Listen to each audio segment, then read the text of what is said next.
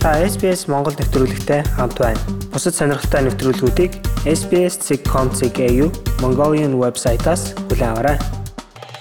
Өнгөрсөн 3 дугаар сараас хойш дэлхийд дахин үндсэндээ зогсон байдал шилжээд байна. Австрали зэрэг олон орн COVID-19 хоёр дахь давлгаатай тэмцэж байгаа хэдий ч бид үүрд хилээ хаасан хэвээр байж болохгүй гэдгийг Дэлхийн эрүүл мэндийн байгууллагаас мэдгдлээ.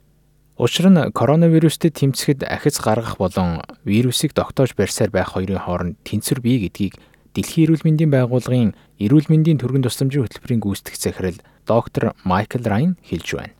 Дэлхийд дахин улс орон бүрийн тодорхойгүй цаг үеийг туулж байгаа учраас хүн бүртэл хүнд хэцүү байна.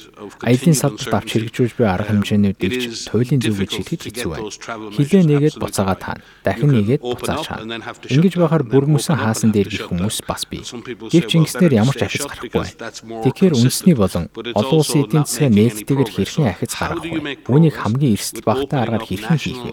Гэтэл бүхнийг буцааж удаашруулах шаардлага гарвал үүнийг хэрхэн хэрхэн зогсоох вэ гэхчлэн олон асуултууд байна. Энэ бол одоохондоо олон улсын төдийгүй үндэсний хэмжээнд тулгараад буй таавар хэвээр байна. Дэлхийн эрүүл мэндийн байгууллагын технологийн багийн удирдлага доктор Мария Кирков ч гэсэн улс орнууд эдийн засгаа идэвхжүүлэхтэйгээ зэрэгцсэн вирусын дархалтыг зогсоох давхар дарамттай нүр тулаад бүг ойлгож байгаа илэрхийлсэн юм. Өнгөрсөн 7 хоногт гэхэд Их Британи улс Испаниас ирж буй жуулчдыг карантинд оруулах шийдвэр гаргасан нь Европын аялал жуулчлалын салбарыг сэргээх төлөвлөгөөг бодлуулж орхилоо. Бидний учрыг нь олох ёстой асуудал бол бидний хувьд шинэ хэвийн хэмжээ гэдэг нь чухам ямар байх вэ гэдгийг бүгдээр олох ёстой юм. Бидний шинэ хэвийн хэмжээнд бусдаас хэр хэмжээний зай байрах хүртэл багтана. Мөн хаана амны хаалт зөвхөн тохиромжтой байгаас эхлээд вирус хаана гарч байгааг өдөр бүр мэдэж байх. Цаашлаад хаана амьдрах хаана ажиллах, хаашаа аялах зэрэг багтана. Энэ бол вирусын даргалтыг доод хэмжээнд баринга өдөр тутмын амьдралаа хэвийн байдалд нь авчрахын тулд хийхээс өөр аргагүй зүйлс юм. Америкийн нэгдсэн улсын хувьд хамгийн хүн тохирлыг амссан улс болж байна. Одоогор коронавирусын улмаас 150 мянган орчим хүн амиа алдаад байгаа. Шинээр халдварсан тохиолдлууд 4 саяыг давсан бөгөөд Калифорни, Флорида мужид огцом дархалт гараад байна. Америк нэгдсэн улсын ерөнхийлөгч Дональд Трамп шинэ коронавирусын эсрэг авсан арга хэмжээ шүүмжил дүртэд байгааг зэрэгцээ. Сар дахлын эхний саруудад амны хаалт зүүхийг хуурхан үзэж байсан тэрээр хоёр дахь удаага л амны хаалттай олон юм гараад байна. Бүх Америкчууд өөрсдийн үйлдэл ухамсарлан дээд зэргийн сонор сэрэмжтэй байх хэрэгтэй байна. Хүмүүр нин ялангуяа олон нийтийн орчин зай барих, дээд зэргээр ариун цэврээс салах, олноор нэг дор суглаж, уушин газруудад бөөгнөхгүй байх, тохиромжтой үед амны хаалтаа зүүж байхыг хатуу сануулж байна. Мөн өндөр эрсдэл байгаа хүмүүстээ нэмэлт урьдчилан сэргийлэх арга хэмжээ авахыг иргэдэд уриалж байна. Ерөнхийлөгч Дональд Трамп вакцины туршилтын сүүлийн шат хийгдэж байгаа Хойд Каролина дахь Фужифилмийн үлрэлтэд танилцахтаа зэрэгцсэн цагаан ордны зүгээс вакцинд ихээхэн найдлага тавьж байгаа зохон тэмдэглэсэн байна. Тэрээр эх 12 дугаар сараас иргэдэд вакцины үрж магадгүй гэдгийг хэлсэн юм. Хоёр дахь вакцины маань сүүлийн шатны туршилтад орох нь хоног хугацаанд л асуудал болоод байна. Цаг давчлах үйл ажиллагааны хүрээнд бид вакцин гаргаж авах шаардлагатай хэдэн жилээр тооцогдох хугацааг урагшлуулж чадлаа. Ингэхдээ бид FDA-гийн аюулгүй байдлын алтан стандартыг алдагдуулаагүй. Энэхүү цаг хугацааны зургал нь Дэлхийн эрүүл мэндийн байгууллагаас гаргасан COVID-19 эсрэг вакцин бэлэн болох хугацааны төсөөллөөс даруй 8 сараар наан байгаа юм. Америкийн засгийн газар нь энэ төрлийн хүчин чармаалт хөрөнгө оруулж буй хэд хэдэн орны нэг төдий юм. Тухайлбал Их Британий засгийн газрын дэмжлэгтэй Оксфорд их сургуулийн судалгааны групп Европыг манлайлан ажиллаж байна.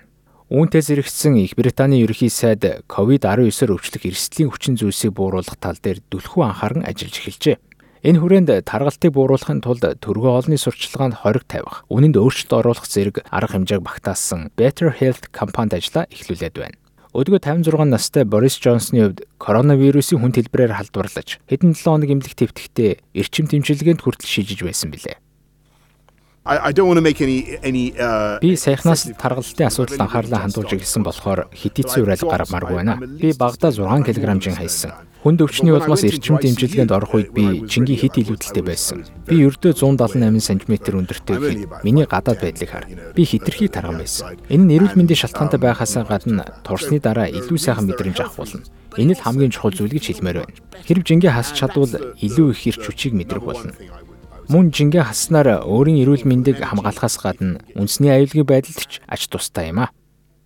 Энтэг улсын хувьд шинэ халдвар авсан тохиолдол 1.3 сая хүрч, амиа алдагсдын тоон 33 мянга хүрснээр Америкийн нэгдсэн улс Бразилийн араас бичигдэж байна. Эрүүл мэндийн систем нь хүнд байдалд орохоос засгийн газар нь имижүүтээ зэрэгцсэн. Ерөнхийсэд Нарендра Моди өдөрт 10 мянган сорьцсон шинжилгээх зорилготой 3 шин лаборатори ажлыг эхлүүлээд байна.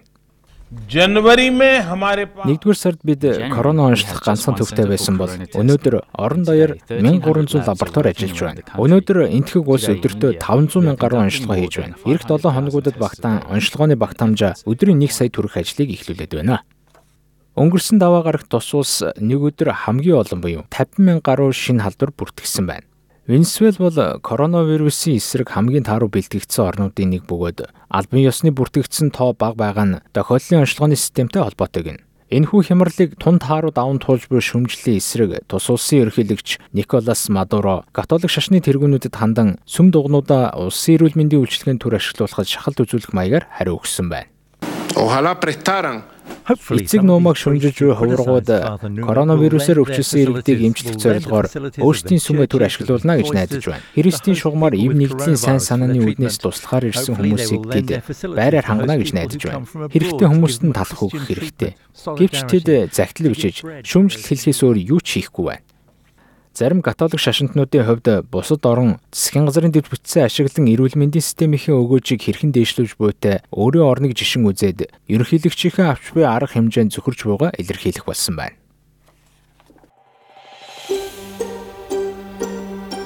Австрали улсад байгаа бусад монголчуудтайгаа холбогдоорой.